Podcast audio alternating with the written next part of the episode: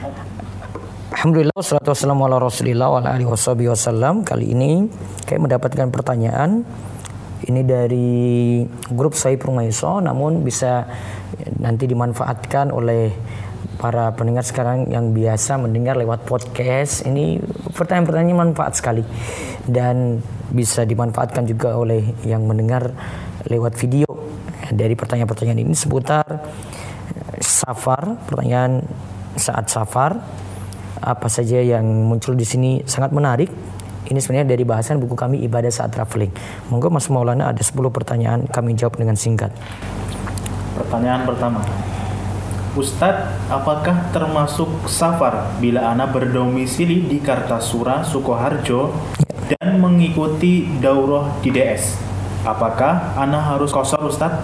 Jazakallah khair. Walau kalau Sukoharjo saya hitung-hitung sampai di Darus Solihin itu sekitar 76 kilo. Ini belum masuk jarak safar yang 85 kilo. Maka saya belum menganggap itu safar sehingga baiknya tidak menjamak atau mengkosor sholat. Kalau jamak bisa, namun tanpa kosor-kosor cuma dilakukan ketika sudah masuk niatan safar dan ini belum memenuhi jarak jumhur ulama yang menyatakan itu safar. Terus pertanyaan kedua. Pertanyaan kedua. Bismillah Ustadz, apakah keringanan ibadah saat safar itu sunnah untuk dilakukan? Misalnya, saat safar lebih utama untuk mengkosor sholat, sholat daripada mengerjakannya dengan rokaat yang sempurna. Saat safar lebih utama untuk tidak mengerjakan rawatib ataupun atau selain qobliyah subuh.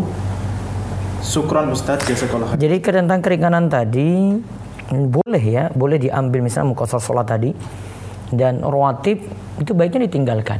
Namun kalau dia masih kerjakan pun tidak masalah di situ. Namun yang sesuai sunnah tidak mengerjakan rawatib kecuali qobliyah subuh saja. Terus pertanyaan ketiga. Pertanyaan ketiga. Zikir atau doa yang sering Nabi Shallallahu Alaihi Wasallam baca ketika sedang safar, Ustadz? Kalau doa khusus tidak ada. Kalau yang dimaksudkan doa umumnya, namun yang beliau baca yang kita tahu riwayatnya doa ketika naik kendaraan, doa ketika safar, uh, seperti bacaan Allahu Akbar, Allahu Akbar. Subhanalladzi sakhkhara lana hadza wa ma kunna lahu mukrin wa inna ila rabbina lamunqalibun. Allahumma inni as'aluka fi safarin hadza albir wa taqwa minal amali ma dan seterusnya. Itu yang bisa dilakukan. Terus pertanyaan keempat. Setiap Senin, setiap hari Senin sampai Jumat, saya PP untuk bekerja di Jakarta. Sedangkan rumah saya di Serang. Perkiraan jarak lebih sekitar 90 km dengan naik bus. Saya pulang kerja jam 17.30. Biasanya saya berhenti di tengah jalan jam 18 lewat 10 untuk sholat maghrib sekalian transit atau ganti bus. Kemudian melanjutkan perjalanan kembali saat Isya jam 19.15. Ketika berada di atas bus, saya mendengar azan, tapi saya tidak turun karena saya sudah membayar ongkos sesuai tujuan saya. Dan biasanya saya sampai di rumah jam 20.30 dan langsung sholat sendirian. Terkadang sholat bersama dengan anak yang belum balik. Pertanyaan saya, bolehkah sekali waktu karena zuhur uzur? atau anak sakit atau ingin di kajian syar'i ingin datang di kajian syar'i saya mengkodo sholat isya. Yang kedua, dosakah saya karena ketika mendengar azan isya berkumandang, tapi saya tidak mendatanginya untuk sholat. Dan yang ketiga, apakah dapat pahala berjamaah ketika sholat dengan anak yang belum balik? Yang keempat, haruskah saya sholat isya di masjid bukan di rumah meskipun sudah ketinggalan berjamaah karena saya sampai rumah jam 20.30. Jazakumullah khair. Taib. Ini dia jaraknya 90 kilo ya dari Jakarta ke Serang. Itu sudah dianggap sebagai safar sebenarnya. Jadi tiap hari dia bisa jamak, bisa kosor sholat. Uh, saran saya sih isanya dia jamak sekalian dengan maghrib ketika dia berhenti untuk sholat maghrib langsung sekalian jamak dengan isyaknya jadi isyaknya dimajukan dengan jamak takdim Nah, itu lebih bagus. Sehingga pertanyaan pertama terjawab pertanyaan kedua dosakah saya karena ketika mendengar azan isya tidak berdosa. Ketika itu ada uzur ya, karena dia musafir dia bisa menjamak sholat untuk jamak takdim ataupun jamak takhir. Kalau selama masih dalam perjalanan dia silakan jamak takdim majukan isya jadi dua rakaat maghrib dulu tiga isya dua. Kemudian kalau dia itu kepentingannya mungkin karena mendesak harus pulang, maka dia bisa jamak takhir juga. Jamak takhirnya ketika sampai di rumah baru dia kerjakan sholat maghrib dan sholat isya. Namun ketika sampai rumah, isya tetap empat rakaat. Ya, atau di sampai di masjid di kompleks di rumah pas sholat isya, isyanya tetap ikuti empat rakaat, maghribnya tiga. Apakah dapat pahala berjamaah ketika sholat dengan anak yang belum balik? Dapat. Ya, itu dihitung sebagai berjamaah. Jadi anak itu dianggap sebagai bagian dari jamaah. Haruskah saya sholat isya di masjid bukan di rumah meskipun sudah ketinggalan berjamaah karena saya sampai rumah jam 20.30. Tadi sudah saya jawab. Uh, dia baiknya jamaah takdim ataupun jamaah takhir seandainya pun belum kerjakan sholat isya bisa lakukan di rumah saja sholat isya tadi tidak masalah. Pertanyaan kelima. Pertanyaan kelima. Bismillah, semoga Ustadz selalu dalam lindungan Allah. Kalau saya mudik ke kampung halaman yang berjarak lebih kurang 185 km, kurang lebih 5 jam perjalanan dari posisi saya sekarang. Saat berada di sana, misal tujuh hari, apakah saya boleh mengkosor sholat selama tujuh hari tersebut? Mohon penjelasannya. Taib, tujuh hari ini sudah dianggap mukim di situ, apalagi dia tetap di situ bukan pindah-pindah ya maka sejak awal dia tempuh perjalanan tadi sampai 185 kilo, dia ketika sampai tempat tersebut sudah dianggap mukim. Ya, sudah dianggap mukim sehingga uh, tetap saat itu sholat tidak di jamak kosor.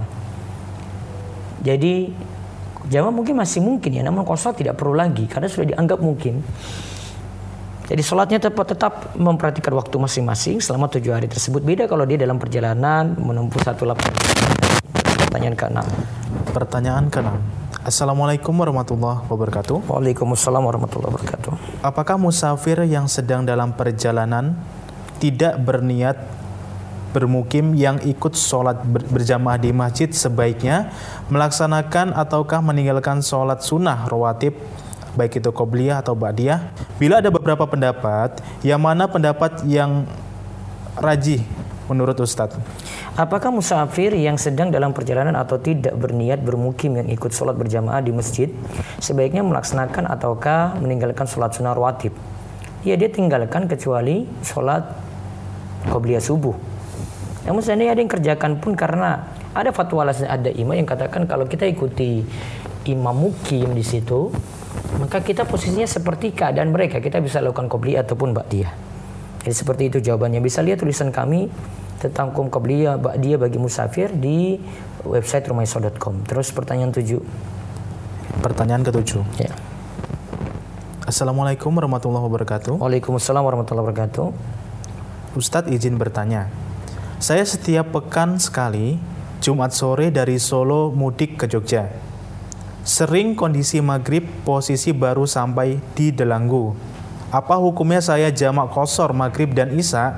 Mohon nasihat agar ibadahnya lebih afdol. Baik, saran saya Solo dan Jogja itu ini Solo dan Jogja ya. Saya tidak menganggap itu sebagai jarak safar karena cuma 60 kilo, tidak sampai 85 kilo. Maka baiknya tidak kosor sholat, yang dia bisa lakukan cuma jamak saja. Ingat ya kaidahnya, jamak itu dilakukan ketika butuh, kosor itu kalau kita itu bersafar. Pertanyaan 8. Pertanyaan 8. Jika dalam perjalanan safar, apakah sholat jamak takdim yang didahulukan atau jamak takhir? Jika dalam perjalanan safar, apakah sholat jamak takdim yang didahulukan atau jamak takhir? Lihat kondisi. Kadang kita memilih jamak takdim, karena saya harus lebih awal nih lakukan. Kadang saya tunda karena uh, masalah waktu saya harus sampai sana uh, lebih diundur gitu. Ada keperluan dulu kepentingan. Nah sana saya yakin nanti akan saya dapati waktu sholat kedua saya jamaah takhir. Terus sembilan pertanyaan sembilan? Pertanyaan sembilan. Bismillah. Ustadz ketika hendak pulang safar pakaian ganti sudah habis akan tetapi di tengah perjalanan mendapati bercak darah.